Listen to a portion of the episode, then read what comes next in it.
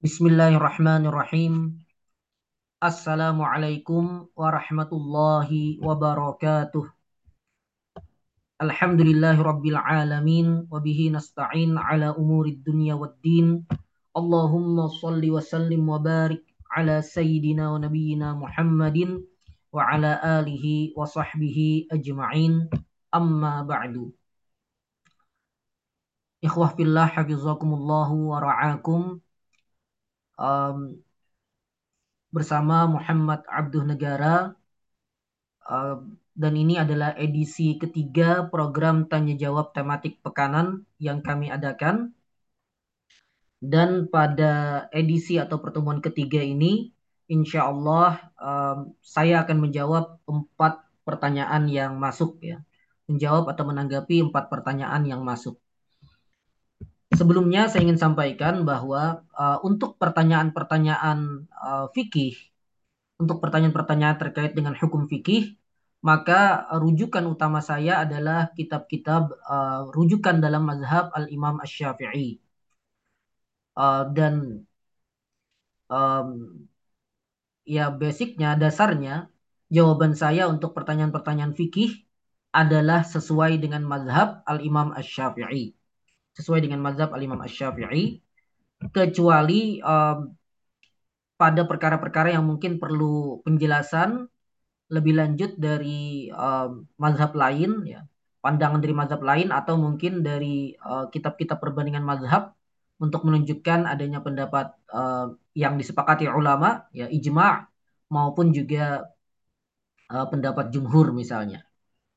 Jadi cukup jelas ya uh, jawaban-jawaban saya kebanyakan merujuk ke kitab-kitab uh, Syafi'iyah, ya, kitab-kitab mazhab al-Imam Asy-Syafi'i.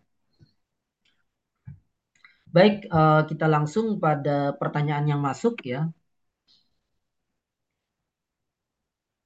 Yang pertama, uh, pertanyaan dari Armen. Mengapa kiai-kiai kita seperti Buya Hamka, Gus Dur, dan lainnya istrinya tidak memakai jilbab yang menutupi seluruh rambutnya secara sempurna. Apakah benar jilbab itu bukan berarti menutupi seluruh rambut seperti yang disampaikan oleh Habib Quraisy Shihab?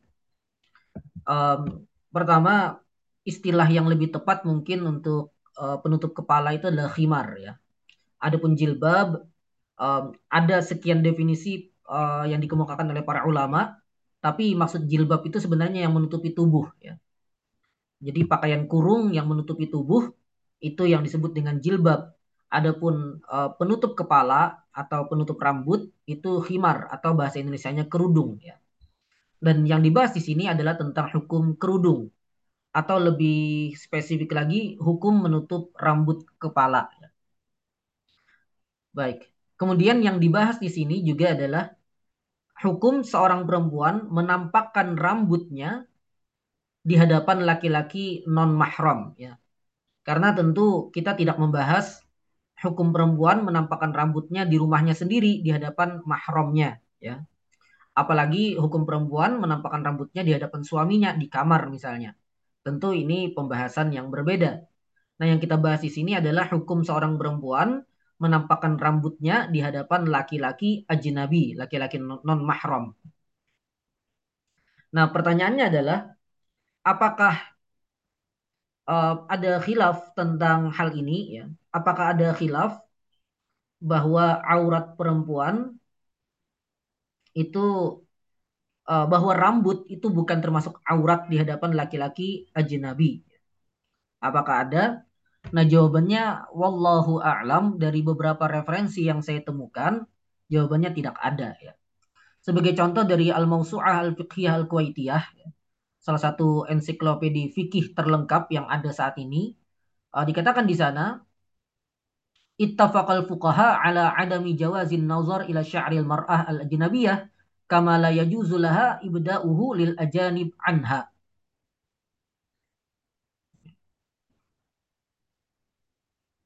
Wa dhahaba al-hanafiyyah wa syafi'iyyah ila al-qaul bi adami jawazin nazar ilaihi seluruh ahli fikih sepakat ya di sana dikatakan ya seluruh ahli fikih sepakat tidak boleh melihat rambut perempuan non mahram Sebagaimana tidak boleh juga bagi si perempuan menampakkannya, menampakkan rambutnya ke laki-laki non mahram. Bahkan Hanafiyah dan Syafi'iyah menyatakan ya bahwa tidak boleh melihat ke rambut perempuan itu meskipun sudah terpisah dari tubuh perempuannya. Jadi rambutnya sudah dipotong gitu. Kemudian entah tergeletak di mana gitu ya rambutnya itu bahkan ada pendapat yang tetap mengharamkan melihat hal tersebut dan ini meskipun mungkin agak berlebihan ya bagi sebagian ulama tapi ini menunjukkan kehati-hatian mereka. Jangankan rambut yang masih masih ada di ya kepala si perempuan ya yang itu jelas adalah tempat fitnah bahkan yang sudah terpisah sekalipun masih ada ulama yang mengharamkan untuk melihatnya. Jadi secara fikih berdasarkan penjelasan dari uh, Mausu'ah Fikih Kuwaitiyah yang itu sudah melalui penelitian terhadap banyak kitab-kitab fikih yang mu'tabar ya hasil penelitian mereka tersebut uh, disepakati bahwa tidak ada khilaf di kalangan ahli fikih tentang tidak boleh melihat rambut perempuan non mahram dan perempuan tadi juga tidak boleh menampakkannya kepada laki-laki non mahram. Lalu berkaitan dengan yang dijelaskan oleh Profesor Quraish Shihab, seingat saya wallahu a'lam ya mudah-mudahan saya tidak salah, seingat saya beliau tidak berpendapat demikian ya. Atau beliau tidak menegaskan pendapat beliau. Beliau cuma menyampaikan ada ulama yang berpendapat demikian Beliau cuma menyampaikan ada ulama yang berpendapat demikian. Hanya saja beliau uh, juga tidak menyebutkan siapa ulama yang dimaksud. Dan seandainya pun ada ulama tersebut, maka ulama tersebut menyelisih ijma' dan pendapat yang menyelisih ijma' itu tidak bisa diterima. Dan apa yang disampaikan oleh uh, Profesor Quraish Shihab ini sudah dikritik juga oleh beberapa ahli fikih di negeri kita ya. Um, ada beberapa um, yang mengkritik pendap apa pernyataan beliau tersebut. Hanya saja kembali seingat saya itu bukan pendapat beliau, cuma beliau mengutip ada ulama yang berpendapat demikian dan itu uh, itu seandainya ada pun tadi kembali lagi menyelisih ijma dan tidak boleh diikuti. Um, dan kita perlu pahami bahwa tidak ada seorang uh, alim pun yang maksum, maka sangat mungkin uh, beliau keliru dalam hal ini. Ya. Kemudian bagaimana dengan uh, istri-istri dari Buya Hamka, Gus Dur dan banyak kiai lainnya mungkin yang uh, kita temukan foto-foto mereka atau bahkan kita lihat langsung mereka cuma pakai kerudung yang rambutnya mungkin terlihat sebagian dan segala macam. Maka yang perlu kita pahami ya, perbuatan ulama itu bukan dalil ya. Kecuali kalau mereka melakukan hal yang sama semua mereka sehingga itu menjadi ijma' fi'li ya. Kesepakatan uh, mereka melakukannya semuanya dan itu menunjukkan boleh. Seandainya terjadi ijma' ya. Tapi menetapkan sesuatu itu sebagai ijma' itu pun sesuatu yang sulit sekali ya. Dan faktanya untuk kasus ini tidak ada gitu. Sehingga apa yang mereka lakukan itu tidak menjadi dalil apa pun bagi kita, tidak menjadi hujah. Apalagi kalau yang melakukannya istri uh, istri mereka, bukan merekanya kan gitu. Jadi karena mungkin saja misalnya uh, laki-lakinya alim, istrinya tidak kan bisa jadi gitu. Laki-lakinya sudah menasehati tapi istrinya tidak ber, tidak uh, belum bisa menerima nasihat tersebut misalnya. Bisa jadi dan banyak kemungkinan. Jadi kembali secara hukum fikih, apa yang mereka tunjukkan oleh para kiai, uh, yang ditunjukkan oleh istri-istri kiai tersebut itu tidak menjadi dasar kebolehan membuka rambut uh, seorang perempuan buka rambut di hadapan laki-laki non mahram. Adapun kalau kasusnya foto di masa lalu ya uh, mungkin Allahu a'lam kita husnuzon saja bisa jadi foto itu diambil di rumah mereka di mana yang mengambil foto dan yang difoto serta orang-orang yang ada di sana semuanya mahram bisa jadi ya. Hanya saja kemudian berlalu masa puluhan tahun kemudian fotonya itu tersebar di publik misalnya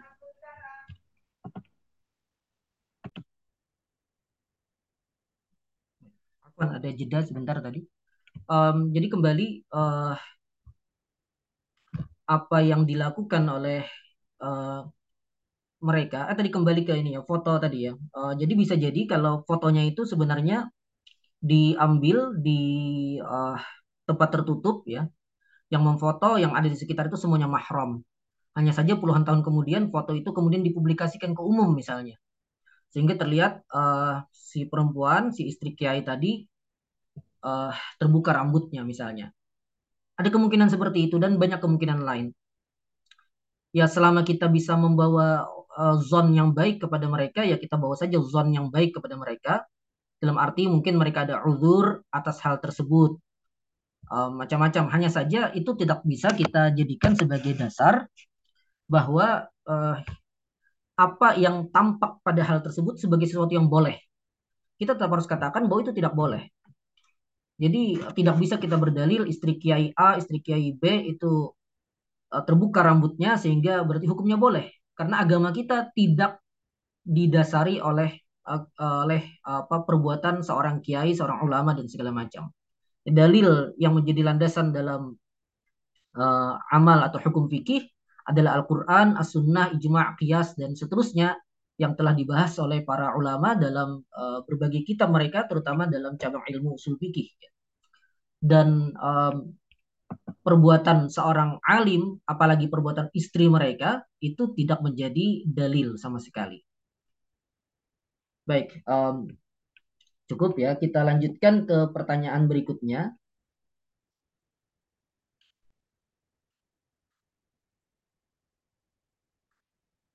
Uh, dari Muhammad Bahru Ar-Razi. Assalamualaikum warahmatullahi wabarakatuh. Waalaikumsalam warahmatullahi wabarakatuh. Um, kalau dalam mazhab Syafi'i, bagaimana hukum talak yang kalau dihitung sebenarnya sudah pada talak tiga, hanya saja sang suami tidak tahu bahwa yang dilakukan itu termasuk pada perkara talak. Apakah seperti itu jatuh talaknya? Nah, pertama uh, perlu dilihat dulu uh, apakah ucapan suaminya tadi termasuk talak sorih atau talak kinayah. Uh, jadi talak itu dari sisi ucapan yang diucapkan itu ada dua, uh, ada dua. Pertama talak sorih dan yang kedua talak kinayah. Talak sorih itu adalah ucapan yang tidak mengandung kemungkinan lain kecuali bahwa maksudnya adalah talak cerai. Um, apa dalam kalau dalam bahasa Arab ini sebagaimana disebutkan dalam fikih manhaj, fikih manhaji misalnya ya bahwa lafaz talak itu yang sorih itu ada tiga ya ada tiga yaitu talak ya, sarah ya, dan uh, firak talak sarah dan firak ini dalam bahasa Arab dan uh, apa namanya uh, lafaz-lafaz lain yang terbentuk dari tiga kata ini, ya, yang mustaq dari tiga kata ini. Ah, misalnya ucapan anti talik, farok, tuki, dan semisalnya. Ya. Nah, itu lafaz talak sorih. Demikian juga lafaz talak sorih adalah lafaz dalam bahasa lain, ya, dalam bahasa ya termasuk dalam bahasa Indonesia gitu ya, misalnya yang semakna dengan apa yang disebutkan dalam bahasa Arab. Ya dalam bahasa Indonesia misalnya kata talak, kata cerai misalnya. Nah, itulah talak-talak uh, sorih. Ya. Sedangkan talak kinayah itu adalah lafaz talak yang mengandung kemungkinan talak, tapi mengandung juga kemungkinan uh, bukan. Misalnya apa? Dan ini banyak ya. Misalnya adalah pulang kamu ke rumah orang tuamu. Um, kemudian uh, saya bebaskan kamu dan segala macam ucapan-ucapan semisal itu. Nah, perbedaan dari dua jenis talak ini apa? Perbedaannya adalah uh, lafaz sorry, talak dengan lafaz yang sorry itu otomatis jatuh. Otomatis jatuh tanpa perlu mengecek apa yang dituju atau yang diinginkan oleh si pengucap. Karena ucapannya itu sudah ucapannya itu sendiri sudah menunjukkan hal tersebut. Sedangkan kalau talak kinayah maka perlu ditanya dulu kepada uh, si laki-laki apakah yang Anda maksud atau yang Anda tuju, yang Anda niatkan ini talak atau bukan. Kalau kata suami bukan, maka tidak jatuh talak. Ya, nah, jadi kembali ke pertanyaannya, dicek dulu ini talaknya sorih atau kinayah. Nah, untuk talak sorih, tidak diterima pengakuan bahwa dia tidak tahu. Artinya tetap jatuh talaknya. Kecuali kalau dia mengucapkan lafaz-lafaz yang dia tidak mengerti kecuali kalau dia mengucapkan lafaz yang tidak mengerti, yang dia tidak mengerti maksud dari lafaz tersebut nah maka baru seperti itu uh, bisa di bisa diterima Misal saja suami istri beda negara gitu misalnya ya.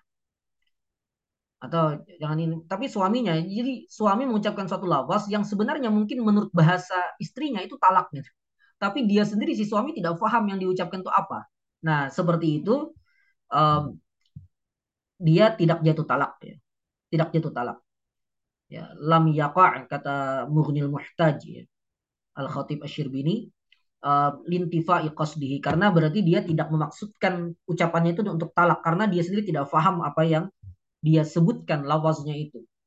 Hanya saja kalau dia mengucapkan lafaz talak itu dengan bahasa dia sendiri, ya, bahasanya sendiri, ya, bahasa Indonesia, misalnya orang Indonesia menggunakan bahasa Indonesia, dan dia paham itu talak, sebenarnya ya, hanya saja mungkin hukum-hukum terkait talak dia tidak paham, nah maka tetap talaknya jatuh. Ya, kalau dengan talak sorih tadi, talaknya tetap jatuh dan berlaku hukum-hukum dan konsekuensi berkaitan dengan talak.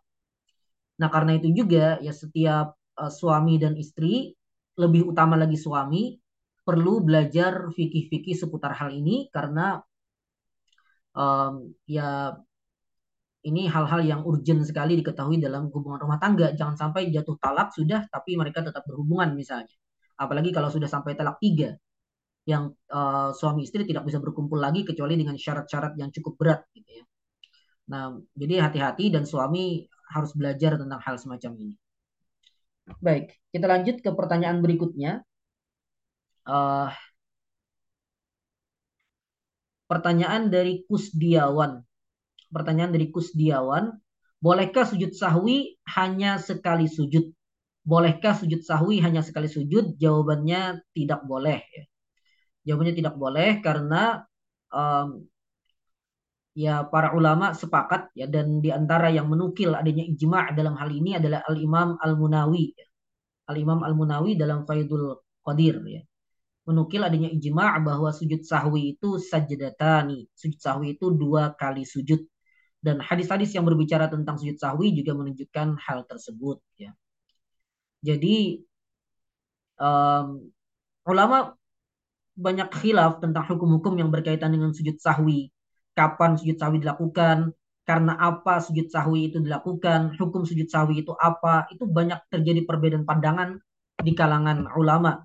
Hanya saja tentang bahwa sujud sahwi itu dua kali, ya sajadatani, mereka tidak berselisih.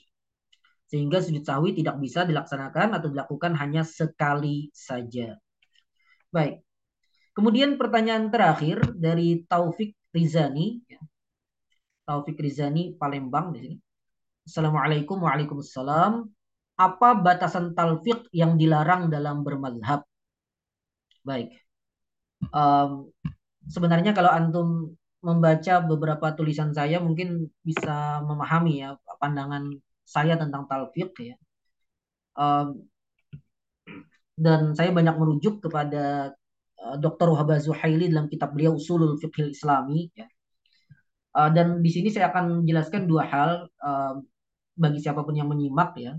Pertama, batasan talfiq tadi yang dilarang dalam bermadhab sebagaimana disebutkan oleh atau sebagaimana ditanyakan dan sebagaimana yang disebutkan oleh banyak ulama mutaakhirin.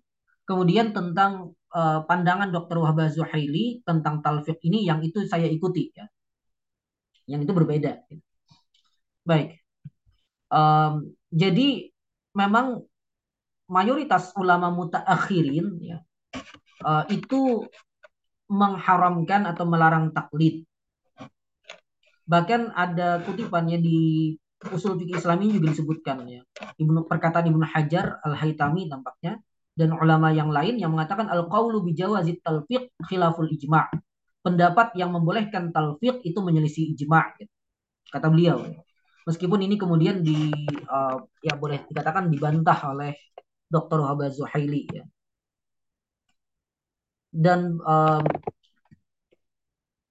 bagaimana talfiq itu talfik itu yang dibahas oleh para ulama dan diharamkan oleh mereka yaitu melakukan satu amal ya melakukan satu amal dengan cara dengan tata cara yang secara keseluruhan tidak ada ulama yang berpendapat demikian. Jadi di sini seseorang melakukan satu amal pada satu waktu ya. Pada satu waktu. Makanya um, kalau hari ini seseorang beramal sholat seperti mazhab Syafi'i, besok seperti mazhab Hanafi, ini bukan talfiq yang mereka bahas. Ini namanya pindah mazhab ya. Ini bukan talfiq yang mereka bahas. Hari ini beramal pakai mazhab ini, hari besok beramal dengan mazhab yang lain, itu bukan talfiq mazhab yang dibahas oleh para ulama. Um, jadi itu namanya pindah madhab. Nah, yang dimaksud dengan talfiq madhab yang dibahas oleh para ulama itu adalah uh, yang mereka haramkan itu seseorang beramal pada satu waktu, ya. seseorang beramal pada satu waktu, mengamalkan sesuatu yang dia ada perincian-perincian persoalan. Nah, dalam perincian persoalannya itu di sebagian perincian persoalan dia mengamalkan mazhab A, di sebagian persoalan lain yang berkaitan sebenarnya dia mengamalkan mazhab B dan seterusnya. Um, contohnya misal seseorang berwudu, ya, seseorang berwudu. Seseorang berwudu pada satu waktu, ya. Kemudian dia mengusap sebagian kepalanya saja, ya, dalam berwudu itu karena mengikuti atau bertaklid kepada mazhab Syafi'i yang mencukupkan ya um, mengusap sebagian kepala dan wudhunya sah. Itu menurut mazhab Syafi'i seperti itu. Dan di waktu itu juga ya dia bertaklid kepada mazhab Hanafi, mazhab Abu Hanifah atau mazhabnya Imam Malik yang menyatakan bahwa menyentuh perempuan itu tidak membatalkan wudhu. Akhirnya dia sentuh perempuan. Kemudian dia sholat dengan keadaan itu. Nah, wudhunya orang ini kalau kita lihat sesuai menu sesuai mazhab Syafi'i tidak sah. Ya. Karena apa? Karena menurut mazhab Syafi'i menyentuh perempuan yang non mahram itu termasuk istri, ya istri non mahram ya. Um, istri itu halilah, perempuan yang halal bagi kita, bukan mahram. Mahram itu perempuan yang haram kita nikahi. Nah, um, misalnya yang menurut mazhab Syafi'i wudhunya orang ini tidak sah karena dia menyentuh istri atau batal wudhunya. Sedangkan menurut Abu Hanifah atau menurut Imam Malik, wudhunya orang tadi itu juga tidak sah. Karena menurut Abu Hanifah, mengusap kepala itu minimal seperempat kepala. Sedangkan menurut Imam Malik bahkan seluruh kepala. Sedangkan dia cuma mengusap sedikit bagian kepala. Dan itu tidak sah menurut Abu Hanifah maupun menurut Imam Malik. Jadi wudhu orang ini yang kemudian digunakan untuk sholat menurut masing-masing imam tadi tidak ada yang sah. Nah, inilah talfiq yang dimaksud oleh para ulama dan inilah yang mereka katakan sebagai talfiq yang haram talfik pada satu qadiyah, pada satu persoalan yang saling berkaitan. Nah, adapun kalau seseorang misalnya sholat mengikuti mazhab Syafi'i, muamalah mengikuti mazhab Hanafi misalnya, maka ini juga bukan talfiq. Uh, karena apa? Karena ini bukan dalam satu persoalan yang sama.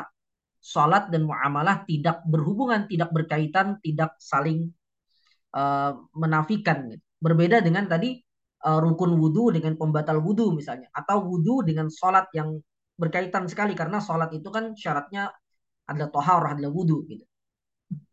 Baik baik kembali. Jadi talfiq yang diharamkan oleh banyak ulama mutaakhirin bahkan ada nukilan ijma' tadi itu um, itu adalah talfiq seseorang beramal dalam satu persoalan yang saling berkaitan mengikuti dua mazhab atau lebih yang kalau kita ambil dari masing-masing mazhabnya, maka masing-masing mazhab tadi akan mengatakan amal orang tersebut tidak sah. Contohnya tadi untuk kasus wudhu. Nah, baik jelas ya, itu yang dimaksud talfiq yang diharamkan oleh banyak ulama mutakhirin. Nah, hanya saja uh, saya ingin sampaikan lebih lanjut pandangan Dr. Habah Zuhaili. Nah, beliau katakan bahwa ya talfiq ini lahir dari uh, berkembangnya pemikiran taklid di tengah kaum muslimin um, terutama setelah abad ke-10 Hijriah. Dan beliau juga mengatakan tidak ada ulama yang membicarakan tentang talfiq sebelum abad ke-7. Jadi pembicaraan tentang talfiq itu um, dimulai abad ke-7 dan seterusnya dan semakin berkembang pada abad ke-10 dan seterusnya di mana um, apa uh, taklid semakin semakin um, ya menyebar merata gitu di tengah-tengah para ulama. kemudian masuklah pembahasan talfiq ini dan berbagai pernyataan mereka tentang talfiq. Nah, namun uh, eh, Dr. Wahbah Zuhaili menolak hal semacam ini ya. Um, dan beliau juga mengajukan beberapa argumentasi uh, yang menunjukkan bahwa talfiq itu tidak haram gitu. sebagaimana ijti sebagaimana taklid sebagaimana taklid di antara argumentasi beliau um, ya sebagaimana apa uh, di antara argumentasi beliau adalah talfiq itu dibangun atas pemikiran taklid ya yang di yang disusun yang diletakkan ketentuan-ketentuan tentangnya oleh para para ulama mutaakhirin um, jadi basicnya talfiq itu adalah taklid ya. um, dan ketika uh, taklid itu uh, diizinkan maka berarti talfiq juga harusnya diizinkan dan sebaliknya, ketika talfiq itu dilarang, maka itu meniscayakan atau mengarahkan kepada dilarangnya tal dilarangnya taklid juga.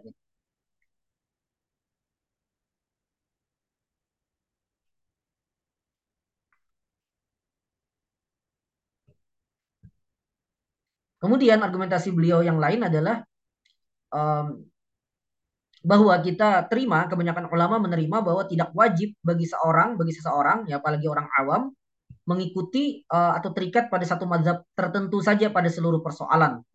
Bahwa tidak wajib terikat pada satu mazhab tertentu saja pada seluruh persoalan.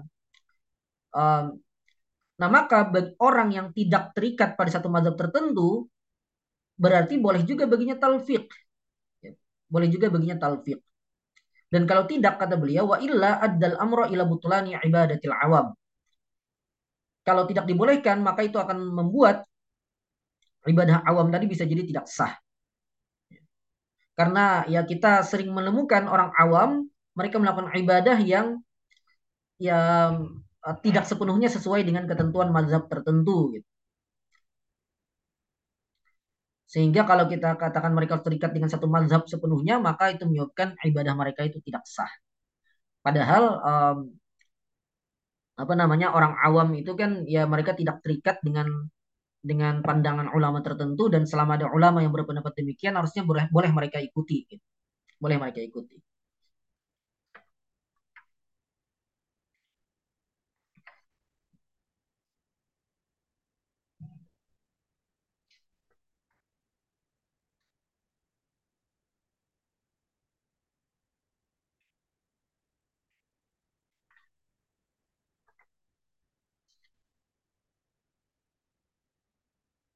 Jadi beliau ingin menegaskan ya bahwa satu pembahasan talfiq ini kan pembahasan taklid ya. Jadi talfiq ini turunan dari pembahasan taklid. Nah, artinya kan tadi pada kasus wudhu yang saya sebutkan, dia ketika mengusap kepala taklid dengan mazhab Syafi'i. Ketika menyentuh perempuan, dia taklid dengan mazhab Abu Hanifah. Kan berarti taklid juga. Artinya kalau kita batalkan atau kita anggap talfiq itu tidak boleh, sebenarnya kalau kita mau runtut ke terus gitu kita lanjutkan maka itu bisa mengarahkan kepada taklid itu tidak boleh. Kalau kita katakan talfiq tidak boleh maka itu bisa menyebabkan taklid juga tidak boleh. Sebaliknya ketika um, kita bolehkan taklid maka seharusnya talfiq juga juga boleh. Talfiq juga boleh. Kemudian bahwa apa um, seseorang ya dan ini kesepakatan atau pegangan banyak ulama bahwa seseorang ya, apalagi orang awam itu tidak wajib terikat dengan satu mazhab tertentu saja. Tidak wajib iltizam mengikuti satu mazhab tertentu dalam seluruh persoalan. Boleh baginya ya dalam sebagian persoalan mengikuti mazhab A dalam persoalan yang lain mengikuti mazhab B. Nah hal ini dipegang oleh banyak ulama. Artinya juga seharusnya talfik pun yang sebenarnya tidak berbeda dengan itu harusnya juga dibolehkan. Harusnya juga dibolehkan. Nah, adapun uh, apa ketika dikatakan bahwa tapi kan talfik itu menyebabkan amal itu tidak sah menurut mazhab menurut mazhab yang mana pun gitu. Nah, kata beliau ini pendap apa uh, argumentasi ini sebenarnya lemah gitu. Karena si mukallid tadi tidak bertaklid kepada para imam tadi pada seluruh persoalan. Dia hanya bertaklid kepada mereka pada sebagian kecil persoalan saja. Ya dalam contoh tadi taklid kepada mazhab Syafi'i dalam mengusap kepala, taklid kepada mazhab Abu Hanifah dalam uh, bersentuhan kulit. Dan hal itu tidak masalah kata beliau. Wala haraja fi hadza. Itu tidak ada masalah. Jadi um, seakan-akan beliau mengatakan kalian kan mensyaratkan ini, uh, kalian kan membolehkan ini taklid dalam sholat kepada mazhab Syafi'i, dalam muamalah kepada mazhab Hanafi. Kalian kan membolehkan ini kata beliau. Nah lalu apa masalahnya kalau seseorang taklid dalam mengusap kepala pada mazhab Syafi'i dalam wudhu dan bersentuhan kulit pada mazhab Hanafi. Kalau dikatakan tapi kan batal menurut masing-masing imam, ya masalahnya si mukallid ini tidak bertaklid kepada masing-masing imam tadi dalam seluruh persoalan wudhunya. Dia taklid kepada bagian-bagian tertentu dari wudhu itu. Dan artinya dia tetap taklid, tetap sah taklidnya. Dia mengusap kepala, sebagian kecil kepala, kan ada imam yang berpendapat demikian. Kemudian bersentuhan kulit dengan perempuan uh, non mahram atau istrinya, tidak batal. Kan juga ada imam yang berpendapat demikian. Lalu apa masalahnya? Kan toh ini juga taklid-taklid juga. Sama saja gitu. Toh taklid juga. Maka tidak ada masalah seharusnya. Nah, ya, poinnya begitulah. Um, meski beliau juga menekankan bahwa talfiq ini uh, tidak sepenuhnya memang boleh gitu tapi ada juga kondisi-kondisi di mana talfiq itu um, tidak boleh gitu Misalnya apa? Misalnya kalau seseorang tanpa uzur apa-apa, tanpa kondisi yang membutuhkan, dia selalu mencari pandangan ulama yang ringan-ringan semua. Nah, kalau talfiknya mengarahkan ke tatabu rukhas tanpa ada uzur semacam ini, tanpa ada apa kondisi eh, hajah atau darurah seperti ini, maka ini tidak boleh. Karena dia berarti seakan-akan ingin melepaskan diri dari keterikatan terhadap syariat. Semua cari yang enak-enaknya saja itu tidak boleh. Um, kemudian beliau juga mengatakan, uh, tapi ini konteksnya agak ke kodok ya, saya lewati saja. Kemudian juga yang juga tidak boleh adalah kalau talfiknya itu uh, menjatuhkan seseorang kepada sesuatu yang jelas-jelas haram, gitu. jelas-jelas haram. Misalnya seseorang taklid tentang pernikahan, dia taklid kepada ulama yang membolehkan uh, pernikahan tanpa wali, membolehkan pernikahan tanpa saksi, membolehkan pernikahan tanpa mahar segala macam dan surahnya seperti itu tentu yang lahir seperti zina saja. Nah, maka yang seperti ini jelas tidak boleh gitu. Karena yang terlahir darinya adalah perkara yang mungkar. Adapun dalam persoalan-persoalan tertentu apalagi persoalan ibadah ya yang diperhatikan adalah apa yang lebih diunggulkan adalah aspek taisir, memudahkan raful haraj, menghilangkan kesulitan dan segala macam. Maka jika ada hajat seseorang untuk talfiq, tidak ada masalah. Tidak ada masalah. Apalagi kepada orang awam yang memang mereka untuk disiplin mazhab mungkin agak susah. Baik, uh, demikian mungkin masih panjang pembahasan tentang talfiq ini. Hanya saja sebagai tanggapan, saya rasa sudah saya, sudah cukup. Baik, demikian. Semoga bermanfaat. Insya Allah kita akan lanjutkan pada edisi-edisi berikutnya menjawab pertanyaan-pertanyaan yang masuk ya. Jadi siapa pun yang ingin bertanya silakan tuliskan di link yang sudah kita sediakan. Uh, tidak harus tentang fikih ya, tentang apa pun berkaitan dengan uh, ilmu-ilmu keislaman silakan disampaikan. Dan jika saya bisa menjawab, insya Allah akan saya jawab pada edisi-edisi berikutnya. Demikian hadanallahu wa iyyakum ajma'in. Wassalamualaikum warahmatullahi wabarakatuh.